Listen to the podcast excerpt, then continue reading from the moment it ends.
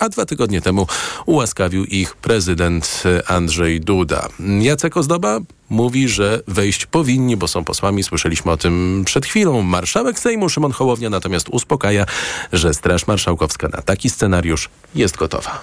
Kwestia obecności w Sejmie lub nie panów Kamińskiego i Wąsika nie spędza mi snu z powiek. Ile jeszcze ta wenezuelska telenowela będzie trwała? Ile jeszcze będziemy zastanawiać się, czy weszli już garażem, czy może zjechali na linię? Szymon Hołownia przypomina niedawną wypowiedź posłanki Prawa i Sprawiedliwości Olgi Semeniuk-Patkowskiej, która w wyborach w toku, w TOK FM, przyznała, że mandaty poselskie Wąsika i Kamińskiego faktycznie wygasły. Teraz już nikt nie kwestionuje tego, że oczywiście pan Maciej Wąsik i Mariusz Kamiński e, utracili e, te mandaty, ale jest kwestionowana droga ku temu, jak to się odbywało. Cieszę się, że również przedstawiciele Prawa i Sprawiedliwości czasami spod tej kołderki przekazów, które są im zadane, są w stanie wychylić e, się z odrobiną prawdy. Tak, panowie Kamiński i Wąsik nie są posłami. Zgadzam się absolutnie z panią poseł Semeniuk w tej sprawie. Ale sprawa wbrew pozorom zamknięta nie jest. Państwowa Komisja Wyborcza cały czas nie wskazała nazwisk kandydatów do obsadzenia wygasłych mandatów. No i mamy też ogromny bałagan z odwołaniami, które trafiły do Sądu Najwyższego, w tym działającej w Sądzie Najwyższym Izby Kontroli Nadzwyczajnej i Spraw Publicznych, która sądem nie jest.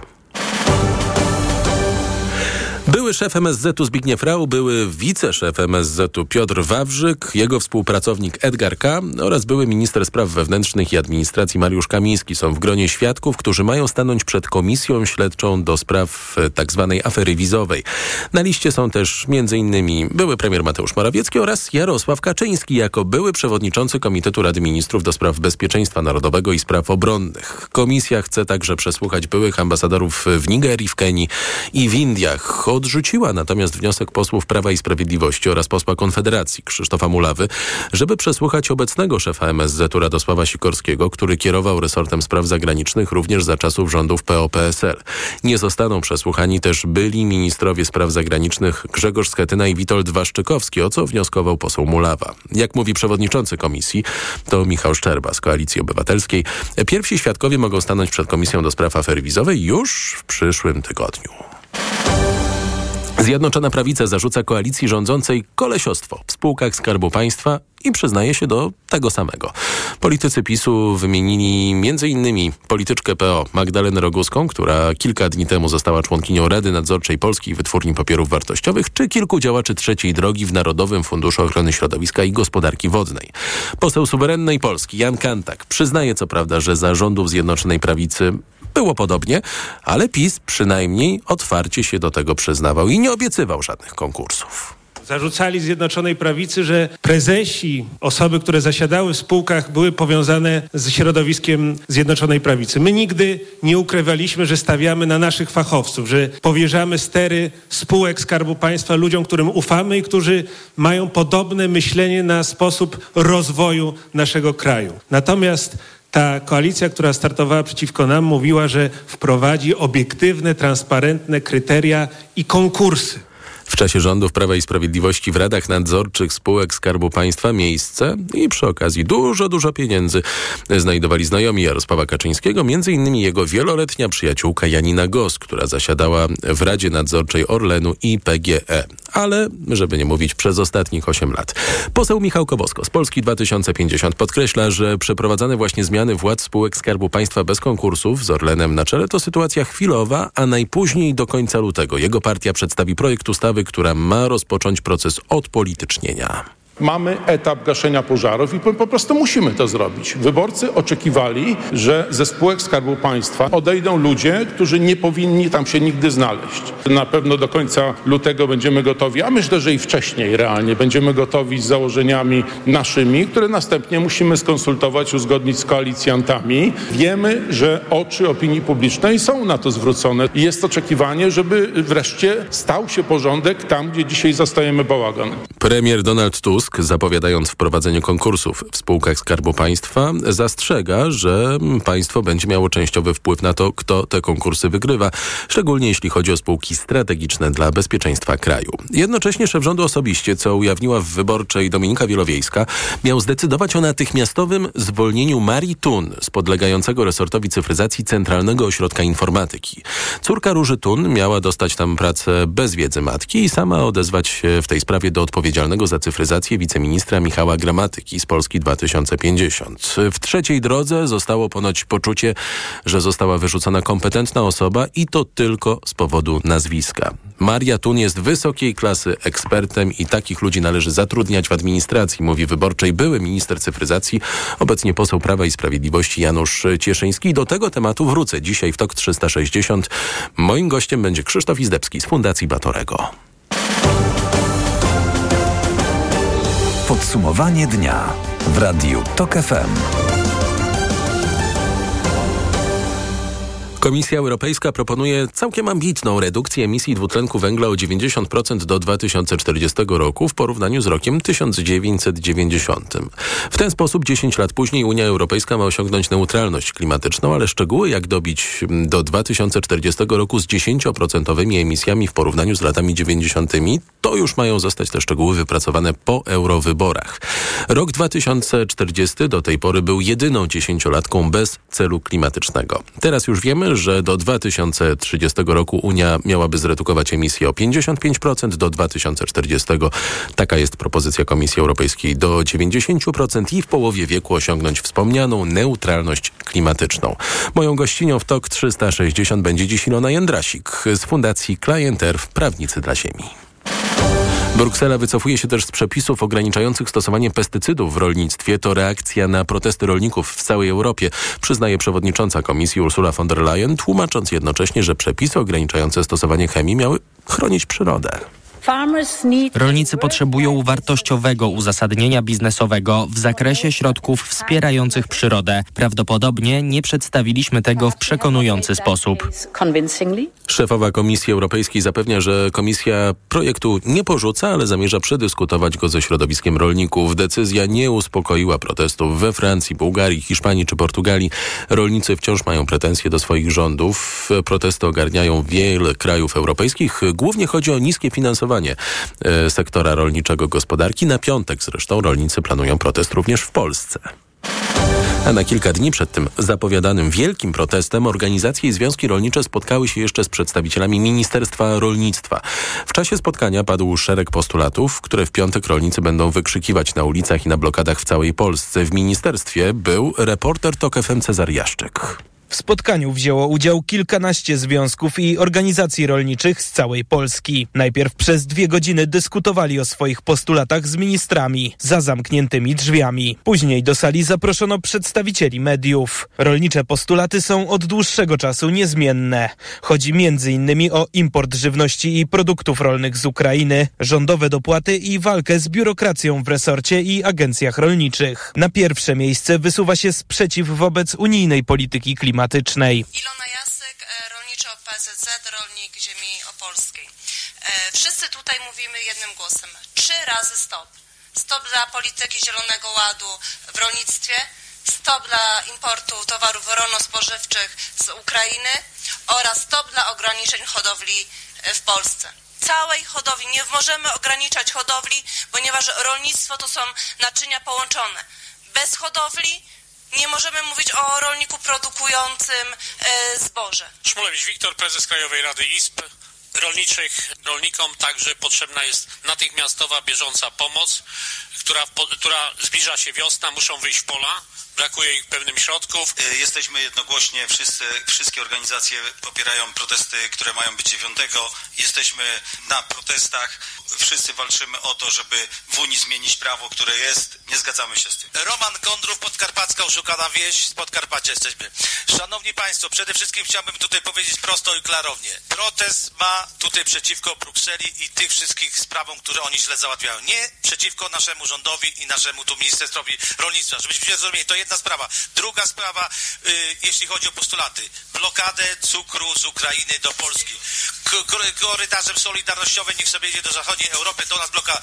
I tak samo olej techniczny, szanowni państwo. Te dwa postulaty ode mnie. Mówili przedstawiciele organizacji. Minister Czesław Siekierski zapowiada, że rząd przeanalizuje wszystkie postulaty i postara się zrealizować przynajmniej część z nich. No są postulaty, które... E e, są zależne od Unii Europejskiej, są postulaty, które są zależne od negocjacji warunków handlu z Ukrainą, ale są także sprawy, które musimy rozpatrywać na szczeblu rządu, bo rolnicy oczekują na dopłaty do zbóż, oczekują na dopłaty do nawozów, bo mówią, że jest naruszona opłacalność, że rolnictwo jest niedochodowe. Stąd oczekują na wsparcie ze strony yy, państwa. Część jest realizowana, ale także będziemy wnioskować o kolejne dopłaty. Kiedy dojdzie do realizacji, na razie nie wiadomo. Minister zapowiedział jedynie kolejne spotkanie z rolnikami, do którego ma dojść w przyszłym tygodniu. Cezary Jaszczyk, wielkie dzięki. Podsumowanie dnia w Radiu TOK FM. Z rocznym opóźnieniem ma wejść w życie reforma onkologii. Krajowa sieć onkologiczna przyjęta przez Sejm rok temu miała w pełni zacząć działać za dwa miesiące. Dziś tematem zajął się rząd. Niedługo nad zmianami mają pracować posłowie. System ochrony zdrowia nie jest przygotowany na wejście w życie tych przepisów, mówi wicepremier Władysław Kośniak-Kamysz. W rządzie wprawdzie zajmuje się wojskiem, ale z wykształcenia jest lekarzem. Nasi poprzednicy nie przygotowali aktów wykonawczych do tej ustawy, nie przygotowali pełnego wejścia w życie wszystkich elementów związanych z dobrym funkcjonowaniem Krajowej Sieci Onkologicznej. Siedem z dziewięciu rozporządzeń nie zostało przygotowanych, dlatego przesuwamy termin wejścia w życie części przepisów Krajowej Sieci Onkologicznej. Krajowa Sieć Onkologiczna ma być przede wszystkim zmianą w organizacji opieki nad pacjentem. W każdym województwie ma powstać sieć placówek pierwszego, drugiego i trzeciego stopnia, które mają zapewnić opiekę chorym na raka, równą opiekę, tak żeby nie zależała ona od tego, kto gdzie mieszka. Ten podział szpitali, zdaniem Ministerstwa Zdrowia, też jest opóźniony. Maria Libura z Uniwersytetu Warmińsko-Mazurskiego i Polskiej Sieci Ekonomii będzie dzisiaj moją gościnią w TOK 360, więc do tematu obiecuję wrócę. TOK 360. Władze Poznania nie radzą sobie ze smogiem, a prezydent przegrywa walkę z zanieczyszczeniem powietrza, uważają lokalni politycy Prawa i Sprawiedliwości. Inaczej na sprawę patrzą działacze Koalicji Obywatelskiej, którzy rządzą w Radzie Miasta. Dyskusja o jakości powietrza wróciła na sesję Rady Miasta, a nawet w pewnym sensie przed magistrat. Maciej Szefer. Kilkanaście osób protestowało pod Urzędem Miasta Poznania przeciwko wycince lasów ochronnych w mieście i jego okolicach. Wiesław Rygielski z koalicji antysmogowej Bye Bye Smog mówił o zbiórce podpisów pod wnioskiem o ochronę tych lasów. To jest wniosek o to, krótko mówiąc, żeby w Poznaniu nie ubywało zieleni żeby 1% budżetu miasta docelowo, nie, nie mówię, że w przyszłym roku, ale docelowo był przeznaczony na wykup terenów prywatnych pod zieleń. Społecznik zabrał też głos na sesji Rady Miasta. Tu jednak sprawa dotyczyła smogu i braku skutecznych działań miasta w walce z tym zjawiskiem. Z podobnymi wnioskami zarówno na sesji, jak i dzień wcześniej wyszli politycy Prawa i Sprawiedliwości. Widzimy więc, że miasto Poznań nie daje rady. Co więcej, nieuczciwie traktuje swoich mieszkańców, jeśli ta informacja nie jest natychmiast udostępniana. To głos posła Bartłomieja Wrublewskiego. Z kolei radny Krzysztof Rosenkiewicz zaproponował konkretne rozwiązania. My we współpracy ze stroną społeczną postulujemy przyjęcie wcześniejszego informowania, czyli na 12 i 24 godziny nawet przed wystąpieniem prognozowanego wysokiego stężenia już, aby miasto rozsyłało informacje do mieszkańców, ale także szczególnie konkretna procedura łącznie z konkretnymi obostrzeniami za jej nieprzestrzeganie do szkół, tak ażeby to zeszło na poziom bezpośredniego wychowawcy klasy. Politycy PiS wskazywali, że problem z informowaniem o zagrożeniu smogiem pojawił się szczególnie widocznie 9 i 10 stycznia. To wtedy Poznań miał być przez kilka godzin jednym z najbardziej zanieczyszczonych miast na świecie. Miejski Wydział Klimatu odnotował w tych dniach wysokie stężenia pyłów, ale ich dobowe stężenia nie przekroczyły progów informowania. Przewodniczący Miejskiej Komisji Ochrony Środowiska Filip Olszak z Koalicji Obywatelskiej wskazuje, że problem smogu w Poznaniu nie do końca zależny jest od działań miasta. W dużej mierze jest to smog z gmin okalających Poznań, czyli z powiatu poznańskiego. Tutaj różnie szacunki mówią, ale to jest od około 70 do 80% nawet. Zdaniem Olszaka miasto robi sporo w sprawie likwidacji bezklasowych kopciuchów. Mamy program Kawka konsekwentnie realizowany od lat. Niedługo znowu zwiększymy środki na to, żeby więcej jeszcze tych źródeł niskiej emisji w Poznaniu było ekologicznymi źródłami, czyli takimi, które nie są na, na paliwa stałe. No, liczymy na to, że gminy podobnie będą robić. Wielkopolska należy do kilku regionów w kraju, w których od tego roku zabronione jest ogrzewanie domów przy pomocy bezklasowych kopciuchów nie spełniających żadnych ekologicznych norm. Radny Filip Olszak wskazuje, że polityka antysmogowa wymaga jednak szerszej i bardziej zdecydowanej współpracy w ramach metropolii. Z Poznania Maciej Szefer, TOG FM. To jest TOK 360, podsumowanie dnia w TOK FM. Przed nami goście. Na początek Ilona Jędrasik z Klienter w Prawnicy dla Ziemi, ale będzie też z nami Radosław Sawicki z Muzeum Mitologii Słowiańskiej. To o e, rodzimowiercach, którzy zarejestrowali swój związek wyznaniowy. Kim są, w co właściwie wierzą o tym dziś w TOK 360. Ale to za jakiś czas. Na razie już za chwilę Ekonomia 360. TOK 360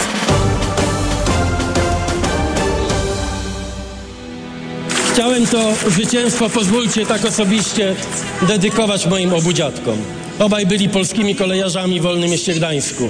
Relikwią w naszym domu do dziś jest żywnościowa karta Polaka, którą w Gdańsku miało kilkaset osób, bo nikt więcej się nie odważył być Polakiem w czasie okupacji. Obaj spędzili wojnę w obozach koncentracyjnych. Obaj moi dziadkowie.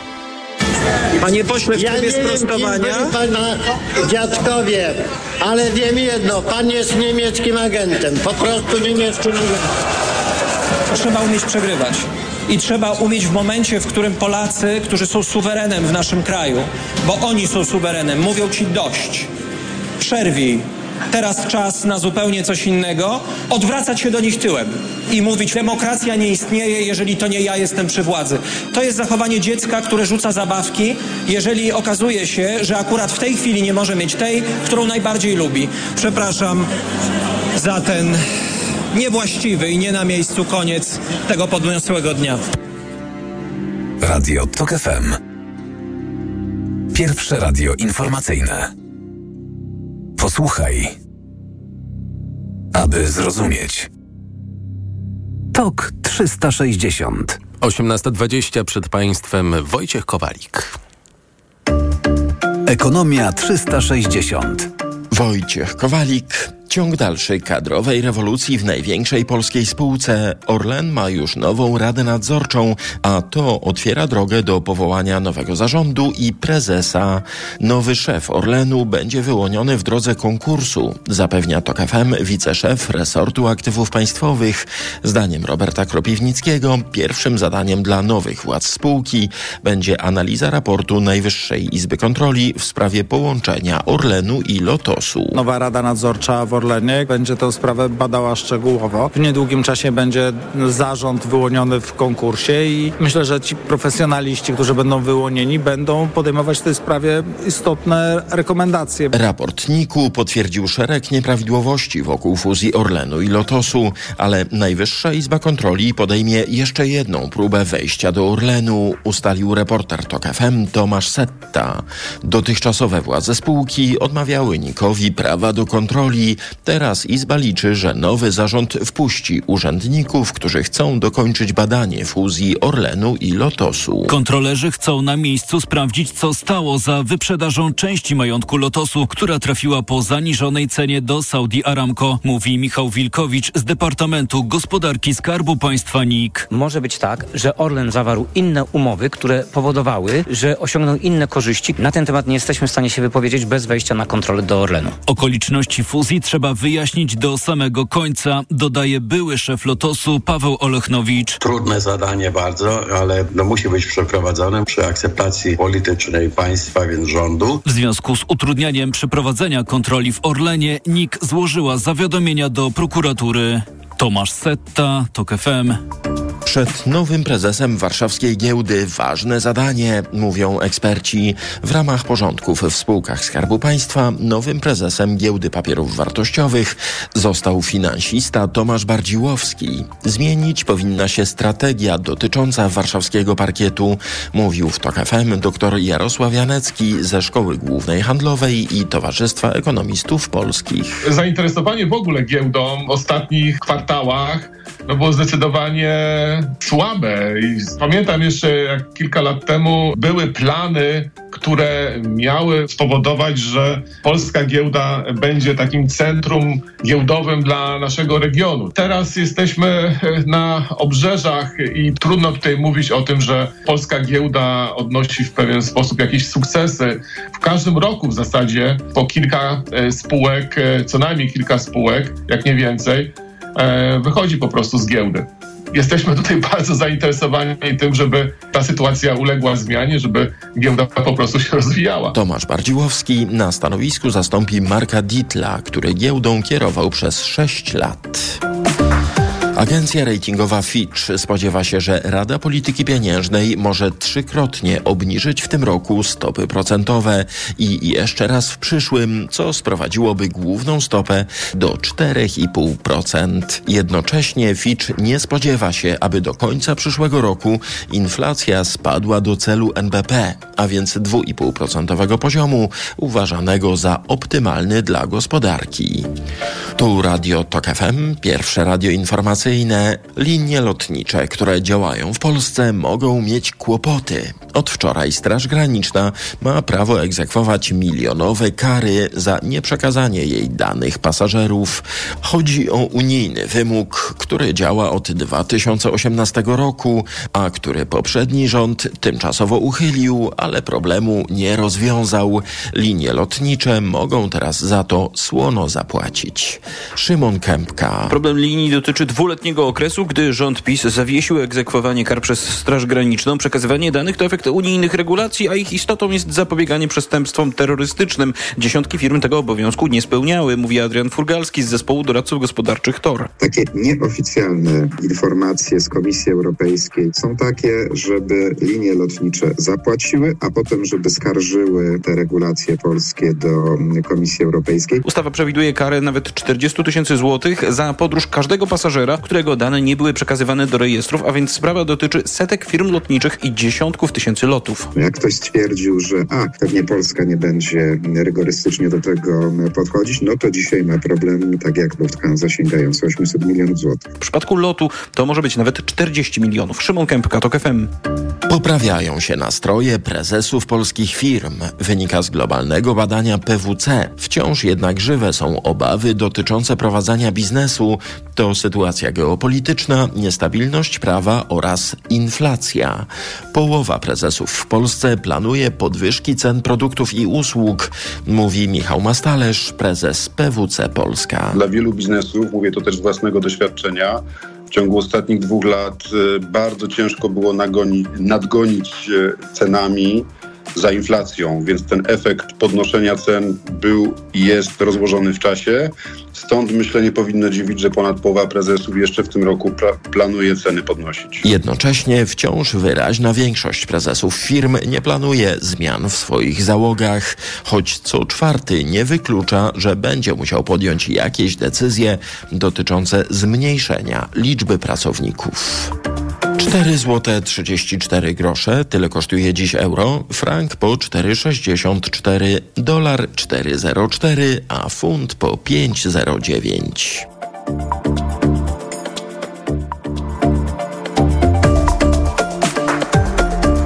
Ekonomia 360. Pogoda.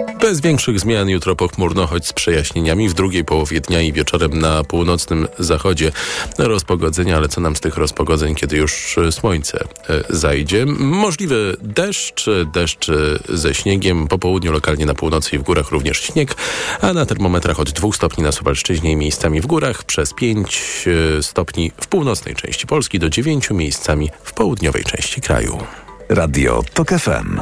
Pierwsze radio informacyjne. TOK 360. Redukcja emisji dwutlenku węgla o 90% w stosunku do roku 1990 do roku 2040. To jest propozycja Komisji Europejskiej, o której już za chwilę będę rozmawiać z Iloną Jędrasik z Clienter w Prawnicy dla Ziemi. Reklama. W stresie czujesz jakbyś nie była sobą? Suplement diety Waluset Control zawiera wyciągi z czterech ziół. Waleriana, passiflora i chmiel sprzyjają odprężeniu, a ashwaganda pomaga radzić sobie ze stresem. Waluset Control. I stres znów masz pod kontrolą. Halo Kaśka, słuchaj, zakochałem się w cotygodniowych promocjach Waldi, no, no bo mnie tam tak rozpieszczają, o, że moje serduszko bije tylko dla Aldi. Tym tygodniu pomidory truskawkowe tylko 8,99 za pół kilograma, a awokado najniższa cena sprzed pierwszej obniżki 6,49, teraz aż 41% taniej, jedynie 3,79 za sztukę. Raz Aldi, zawsze coś z Aldi. Są rzeczy, na które dobrze się odkłada i takie, których nie warto odkładać. Jak kredyt gotówkowy online w Santander Bank Polska. Sprawdź w naszej aplikacji lub w bankowości internetowej. Rzeczywista roczna stopa oprocentowania 16,63%. Oferta do 15 tysięcy złotych trwa do 21 lutego i nie dotyczy konsolidacji. Przyznanie kredytu zależy od oceny zdolności kredytowej. Santander Internet Mobile to usługi bankowości elektronicznej. Regulamin na santander.pl. Santander pomaga spełniać marzenia. Znowu dopadła Ci infekcja i nie wiesz co robić? Kluczowe jest działanie na przyczynę choroby. Dlatego weź lek przeciwwirusowy Neozine Forte. Tabletki Neozine Forte pomagają zwalczać wirusy i wspierają odporność. Neozine Forte przeciwko wirusom, przeciwko infekcji. To jest lek. Dla bezpieczeństwa stosuj go zgodnie z ulotką dołączoną do opakowania. Nie przekraczaj maksymalnej dawki leku. W przypadku wątpliwości skonsultuj się z lekarzem lub farmaceutą. 1000 mg inozyny. Wspomagająco u osób o obniżonej odporności w przypadku nawracających infekcji górnych dróg oddechowych. Aflofarm. Tak smakuje świat. Już w tym tygodniu w Lidlu spróbuj oryginalnych włoskich produktów. Oryginalna szynka parmeńska 25% taniej, tylko 9,99. A pomidory i sosy pomidorowe już od 2,99. Dla takich smaków zakupy robię w Lidlu. Co można kupić za 40 groszy? Dwie kostki czekolady, pół jajka albo dzienną porcję witamin i minerałów, bo tylko tyle kosztuje jedna tabletka ActiVitaminer Senior D3. Suplementy diety ActiVitaminer Senior D3 to witaminy i minerały wzbogacone aż o 2000 jednostek witaminy D3, tak potrzebnej jesienią i zimą. ActiVitaminer Senior D3 znajdziesz w swojej aptece w bardzo dobrej cenie. Witamina D pomaga w prawidłowym funkcjonowaniu układu odpornościowego. Aflofarm. Więcej na vitaminer.pl. Czy o wypłatę powinniśmy się upominać? Czy zdjęcie w CV jest ważne? Czy posiadanie dzieci może zaważyć na karierze? I czy klimat w pracy ma znaczenie? Zbyt wiele pytań. Spokojnie. Już wkrótce na wszystkie odpowiemy. Co za dzień. Co się stało? Rano kłótnia z Bartkiem, a zaraz czeka mnie prezentacja w pracy. Szkoda nerwów, działaj szybko. Weź Meliski. Meliski? Tak, suplement diety Meliski to mój ratunek w stresujących sytuacjach. Pastylki do ssania, które dzięki zawartości wyciągu z ziela melisy wspierają utrzymanie uczucia odprężenia. Czyli to takie pastylki antystresowe? Dokładnie. A ponieważ to pastylki, to szybko rozpuszczają się w ustach. Dzięki. Zawsze mogę na ciebie liczyć. Na mnie i na Meliski. Gdy stres bliski, weź Meliski. Teraz bez cukru. Aflofarm. Walentynki w Media Expert. Przeceny na walentynki w Media Expert. Na przykład smartwatch Garmin Instinct grafitowy. Najniższa cena z ostatnich 30 dni przed obniżką 899 zł 99 groszy. Teraz za jedyne 649 z kodem rabatowym taniej o 250 zł. Walentynki w Media Expert. Tu włączamy niskie ceny. Reklama. TOK 360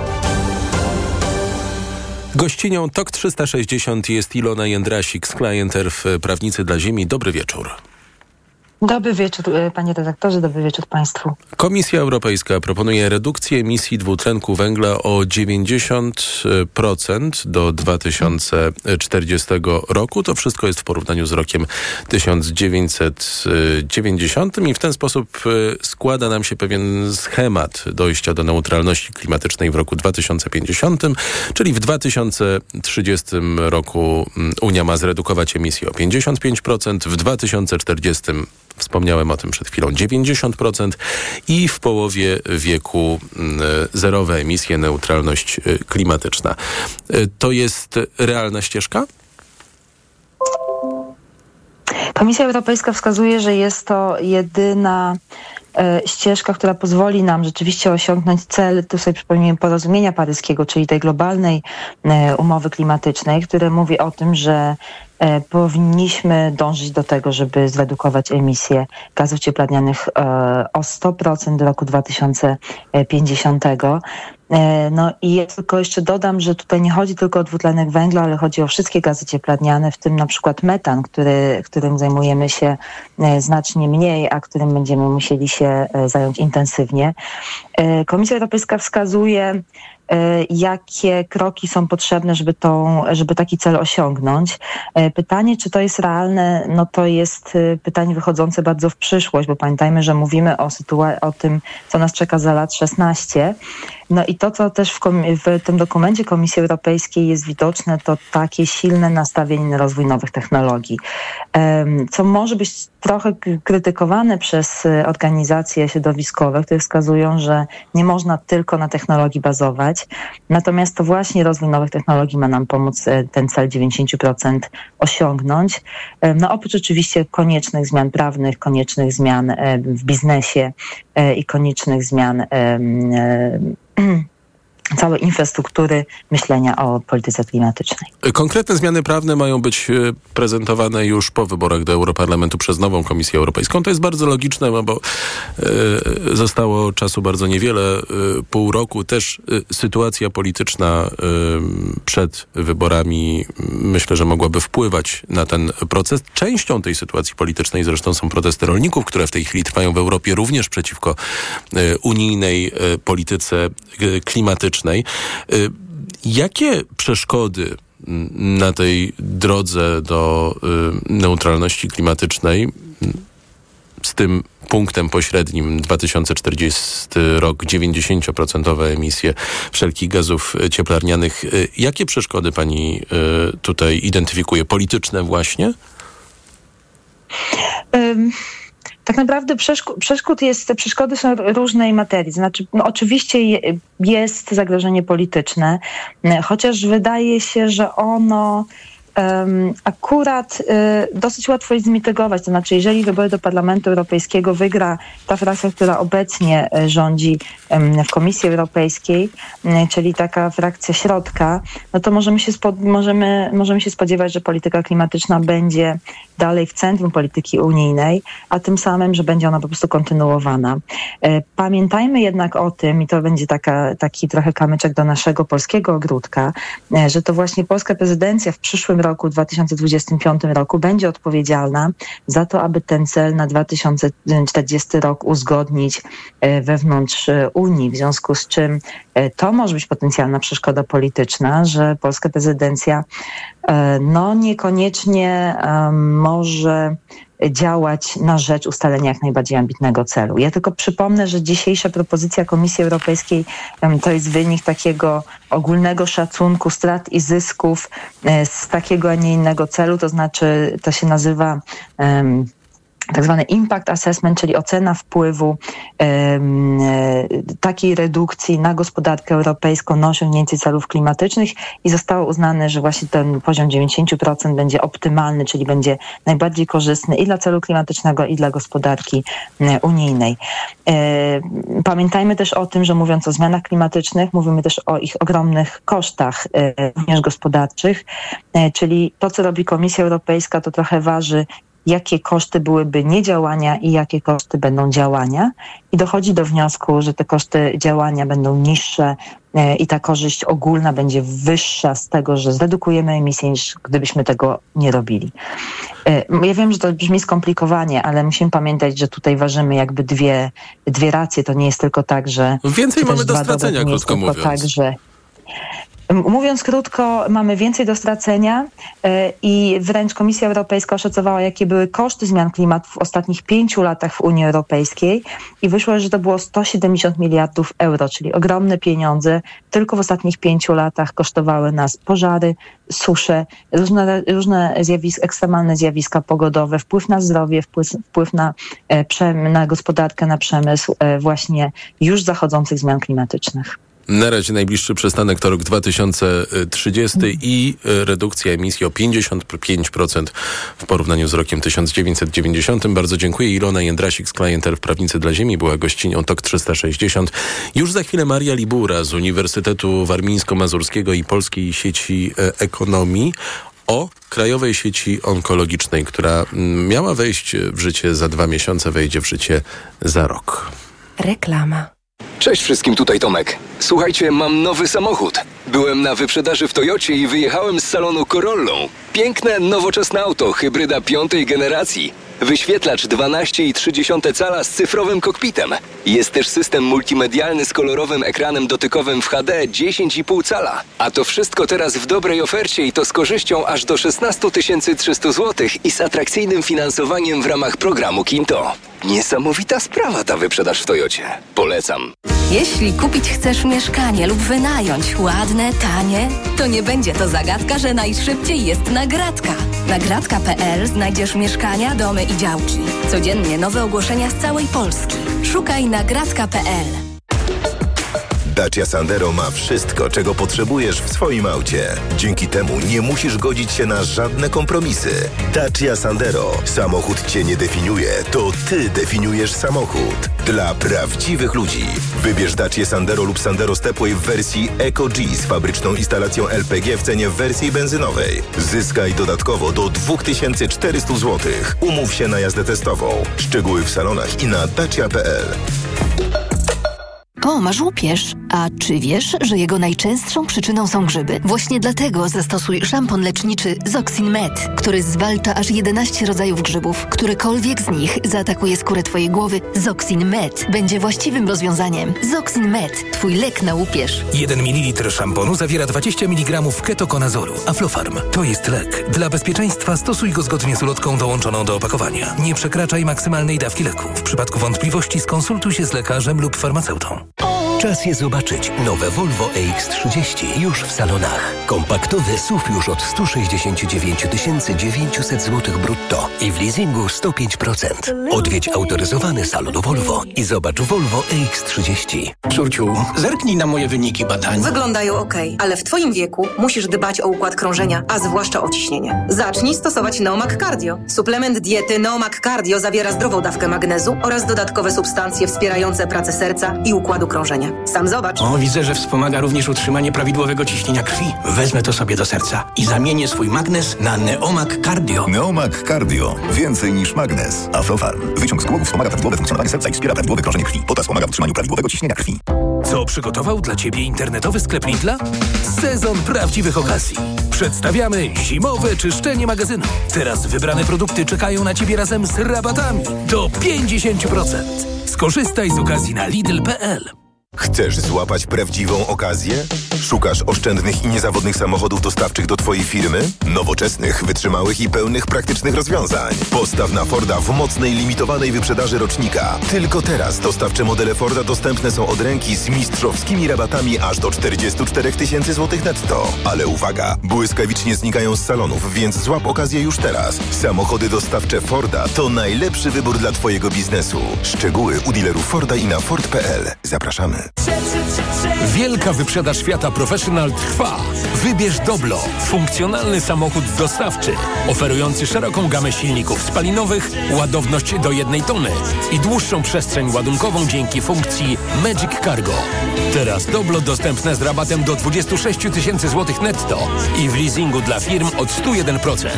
Szczegóły w najbliższym salonie lub na fiatprofessional.pl. Doblo dostępne również w wersji w pełni elektrycznej. Reklama.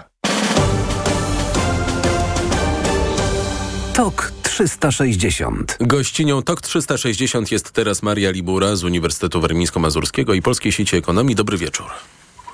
Dobry wieczór. Z rocznym opóźnieniem ma wejść w życie reforma onkologii w Polsce. Krajowa sieć onkologiczna przyjęta przez Sejm przed rokiem miała zacząć działać za dwa miesiące, 1 kwietnia. Dziś jednak e, rząd podjął decyzję, którą lada moment mają potwierdzić posłowie, że jednak musimy to odłożyć e, o rok, bo jak tłumaczy wicepremier Władysław Kośniak-Kamysz, nie jesteśmy e, gotowi. Brakuje między innymi rozporządzenia określającego kryteria kwalifikacji do Krajowej Sieci onkologicznej, nie ma też e, gotowych systemów informatycznych. I płynie z tego taki komunikat, to nie my, to nasi e, poprzednicy, więc musimy czekać e, aż rok, ale ja trochę widzę w tle pacjentów i zastanawiam się, czy rzeczywiście to musi być rok i czy to jest takie proste, to nie my, to oni. No, ta decyzja w jakimś sensie nie jest nieoczekiwana, ponieważ sieć onkologiczna też wzbudzała różnego rodzaju kontrowersje, które miały także charakter częściowo polityczny. I e, m, wydaje się, że zdrowie nie powinno być polityczne, ale e, niestety jest jak najbardziej e, mocno taką dziedziną, prawda, w której mamy ograniczone zasoby i w związku z tym e, też spory polityczne dotyczące na przykład tego, na ile em, pewne pieniądze publiczne miałyby być kierowane do konkretnych ośrodków, stają się sporami nie tylko merytorycznymi, ale także sporami, które mają właśnie różne warstwy polityczne. I wydaje się, że ta de- decyzja, która, którą teraz mamy, jest taką decyzją trochę na przeczekanie. Dlatego, że środowisko yy, zarówno klinicystów, jak i środowiska pacjentów oczekują konsolidacji. Największym problemem w tej chwili w onkologii em, jest to, że pacjenci trafiają do e, onkologów zbyt późno, a następnie mają taką jakby poszatkowaną ścieżkę leczenia, czyli ona jest nieskoordynowana. I e, sieć była pewną obietnicą koordynacji. Czy ona była dobrym pomysłem? Można byłoby na wiele sposobów krytykować przyjęte tam rozwiązania, ale jedno obiecywała właśnie podjęcie próby konsolidacji. Odłożenie tego na rok jest, y, wydaje mi się, gorszym pomysłem niż na przykład zapowiedź rewizji i y, y, sieci onkologicznej, czyli założeń i w porozumieniu z, y, ze stroną też społeczną i kliniczną powolnego wdrażania po, konkretnych rozwiązań jak najszybciej. Pamiętajmy, że onkologia jest jedną z nielicznych dziedzin medycyny, w której mamy w tej chwili nadal niski e, stopień jakby komercjalizacji. Ona była, to, to, to są trudne, mm, e, jakby trudne przypadki. E, leczenie mm, jest e, mm, bardzo drogie, w szczególności to nowoczesne leczenie, więc tutaj jeszcze nie wszedł tak mocno sektor komercyjny. I to jest jakby idealny moment, żeby przeprowadzać reformę, ponieważ w momencie, kiedy, kiedy jakby na tą taką fragmentację wewnątrz systemu publicznego nakłada się jeszcze ta, jakby dodatkowy podział pomiędzy em, ośrodki publiczne, niepubliczne, to co y, ko- oferujące pewne świadczenia komercyjnie y, i niekomercyjnie, to o, ten system się coraz bardziej robi niezborny i coraz trudniej poddaje się reformom. Także myślę, że mm, to nie jest dobra wiadomość. Znaczy, w- w- szkoda, że nie usłyszeliśmy. E, mamy teraz plan na to, żeby zrewidować e, ideę e, sieci, ale nie zwlekając będziemy wprowadzać te elementy koordynacji, które się daje wprowadzać jak najszybciej. Minister zdrowia Izabela Leszczyna, to było tydzień temu w WPPL, ona tłumaczyła, że y, gdyby zostało to wprowadzone tak, jak jest zapisane, to około 7 tysięcy pacjentów onkologicznych wypadłoby poza sieć, to znaczy zostałoby y, bez opieki. Ale ja rozumiem, że to, o czym pani mówi, czyli wprowadzenie y, elementów tych, których można, tych, które można wprowadzić, zapobiegłoby takiej sytuacji, żeby ktoś wypadł poza system. W ogóle była rzeczywiście taka groźba? Na, na ile ona jest realna, to, mm, mm, to można by powiedzieć, mm, jakby trzeba byłoby znać analiz, na których e, ministerstwo mm, prawda, Opiera się. przedstawia taki, tego, prawda, się opiera w tym. Natomiast wydaje mi się, że pani minister zwracała uwagę na, na, na taki realny problem, jakim um, e, jest to, że ostatecznie sieć ma doprowadzić do, czy miała doprowadzić do powstania ośrodków o różnej referencyjności, które miałyby różne zakresy wykonywanych procedur. I to jest co do założenia, można było powiedzieć, bardzo dobry pomysł. Mamy e, pewne typy, czy to mm, e, operacji, czy pewne mm, rodzaje terapii, które powinny być dostępne w tych ośrodkach, które się w czymś specjalizują. Tak, czyli nie chcemy, żeby e, co do zasady, żeby pewne świadczenia były rozproszone, bo na przykład, żeby sprawnie skuteczniej i wysoko, że tak powiem, wysokiej jakości em, operacje, na przykład guzów, trzustki, były wykonywane, to to wymaga takiego ośrodka, który się w tym e, specjalizuje i tak dalej, i tak dalej. Natomiast w tej chwili w Polsce mamy to rozproszenie i, nie, i, i poprzez też kwestię roku wyborczego rzeczywiście e, nie, nie wdrożono em, tych pomysłów, które miały doprowadzić do tego, żeby ci pacjenci trafili tam, gdzie trzeba, tak? Czyli żeby oni rzeczywiście trafili do tych szpitalów e, e, czy ośrodków, które mm, be, m, będą odpowiedniej referencyjności. Tutaj słyszymy, że jest w ogóle problem z kwalifikacją, prawda? A co dopiero jakby jas- jasną linią, linią komunikacji e, na, na poziomie e, klinicysta-pacjent. Ale jest jeszcze jeden problem, o którym się mówi mniej, a mianowicie to, że część tych świadczeń jest tak rozproszona. To wynika też z tego, że nawet gdybyśmy chcieli dzisiaj skupić te, powiedzmy, część świadczeń wy- wysokospecjalistycznych w, w konkretnych ośrodkach, to wielu pacjentów z powodu wykluczenia komunikacyjnego może do nich nie trafić. Czyli potrzebujemy zarówno tej od strony klinicznej uporządkowania systemu, prawda, kto co robi i w jakim zakresie, ale jednocześnie potrzebujemy spojrzeć się na to um, e, z samego jakby prawda, um, jakby dołu systemu, czyli e, z, te, z tego, co pacjent z małej miejscowości X ma zrobić, żeby na pewno tam trafić, na, na pewno trafić do tego ośrodka wysokiej referencyjności.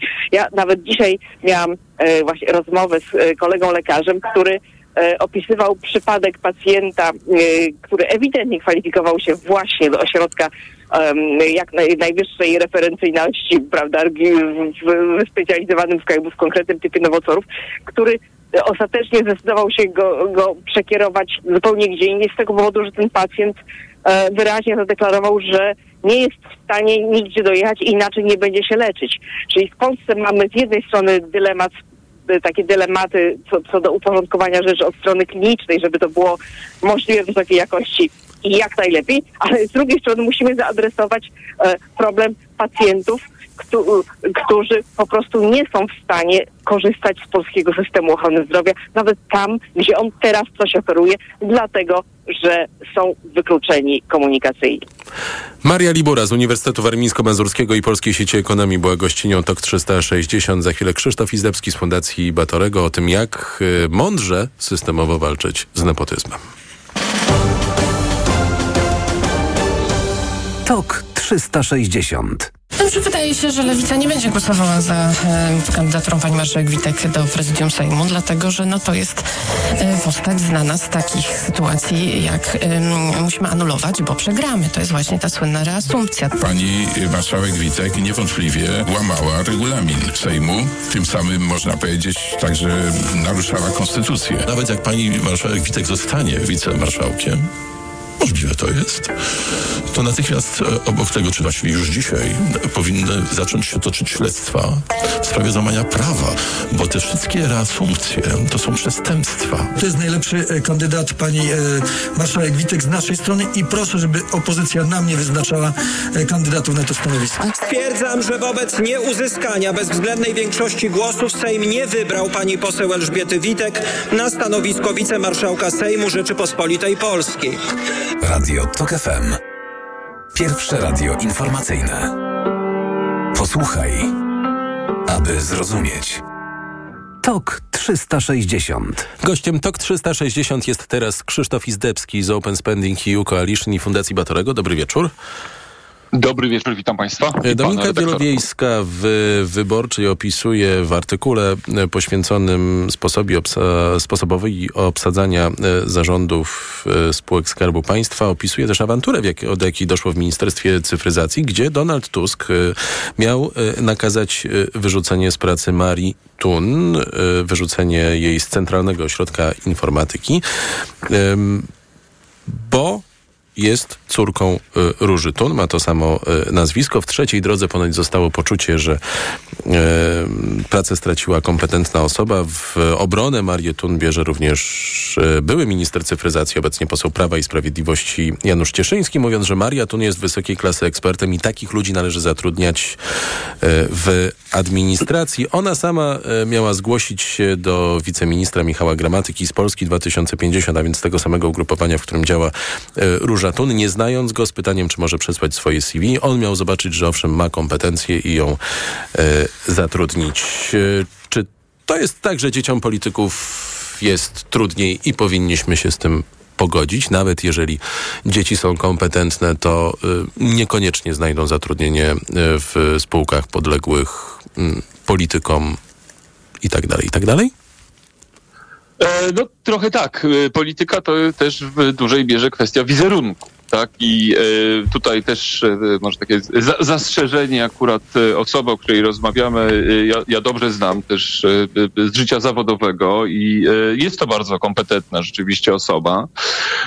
Natomiast jak rozumiem, premier, zaraz jeszcze wrócę do pewnego drugiego wątku w tym kontekście, no ale premier uznaje, że z przyczyn wizerunkowych właśnie po to, żeby w pewnym sensie ustrzec się przed tym zarzutem, że zatrudniane są dzieci polityków, polityków w dużej mierze, jakby, czy, czy, czy w dużym skrócie, ponieważ to, to mogą być bracia, prawda, ojcowie i tak dalej, i tak dalej, z czym rzeczywiście w polityce od wielu, wielu lat w ogóle mamy e, do czynienia, ale też w pewnym sensie równie niepokojące jest dla mnie, e, abstrahując od tych kwestii wizerunku i rzeczywiście pewnych trudności, że my patrzymy na to zjawisko nie zawsze patrząc na kompetencje tych osób, które są, a tym razem też właśnie. Z tym zastrzeżeniem, które poczyniłem, mogę powiedzieć, że to jest spora strata dla e, i, i resortu, i gdzieś tam dla, e, dla polskiej polityki, to równie bardzo też niepokoi mnie to, że premier e, no, w taki ręczny sposób decyduje o tym, kto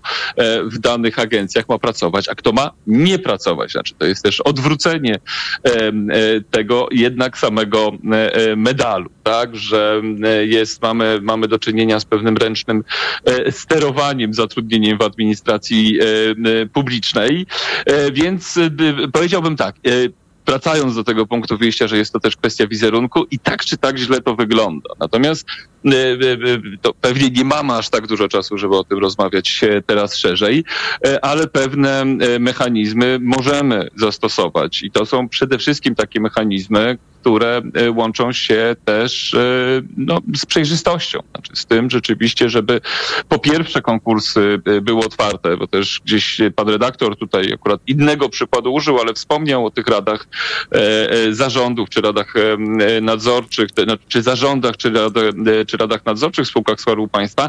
Ja też nie mam pewności, jednocześnie gdzieś tam obserwując i widząc, że zatrudniani są często i świetni fachowcy, e, że społeczeństwo odbiera to jako coś, co nastąpiło w wyniku, no właśnie, konkursu i kompetencji, a mniej znajomości, bo podobnym problemem przecież, czy nawet większym problemem może być zatrudnienie znajomego, e, niż zatrudnienie e, swojego dziecka, ojca czy, e, czy brata. Więc A zatrudnienie e, działacza te...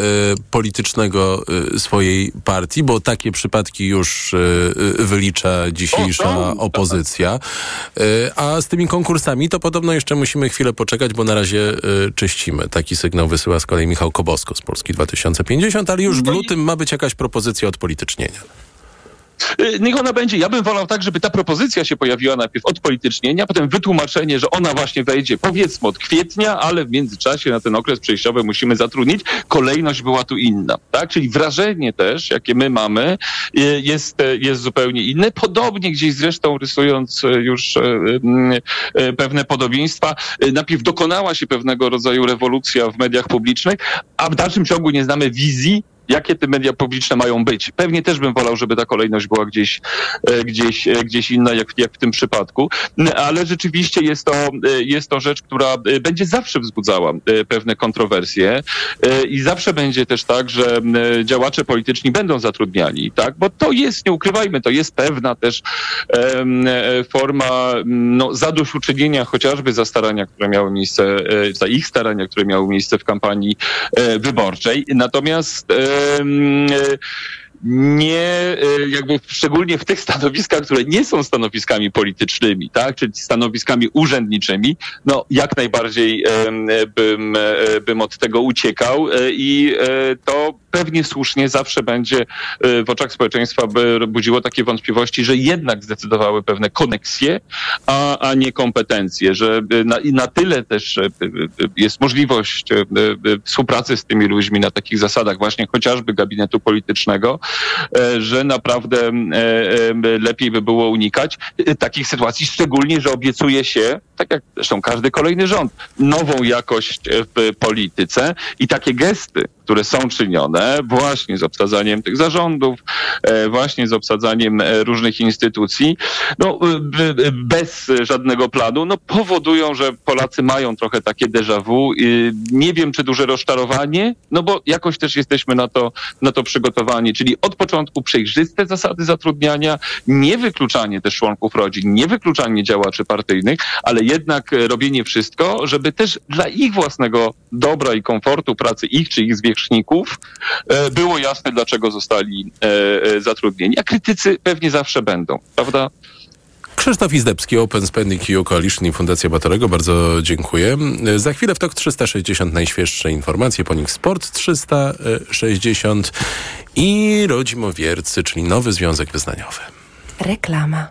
Technologia bliska sercu w Mediamarkt. Stylowy smartwatch marki Garmin. Taniej o 170 zł. Najniższa cena przed obniżką 969 zł. Teraz za 799 zł. A wyjątkowo cichy ekspres Philips Latte Go z technologią Silent Brew. Taniej o 250 zł. Najniższa cena przed obniżką 2549 zł. Teraz za 2299 zł. Dostępne też w 40 latach. RRSO 0% i do sierpnia nie płacisz. Kredyty udziela Bank BNP Paribas po analizie kredytowej. Szczegóły w sklepach i na mediamarkt.pl.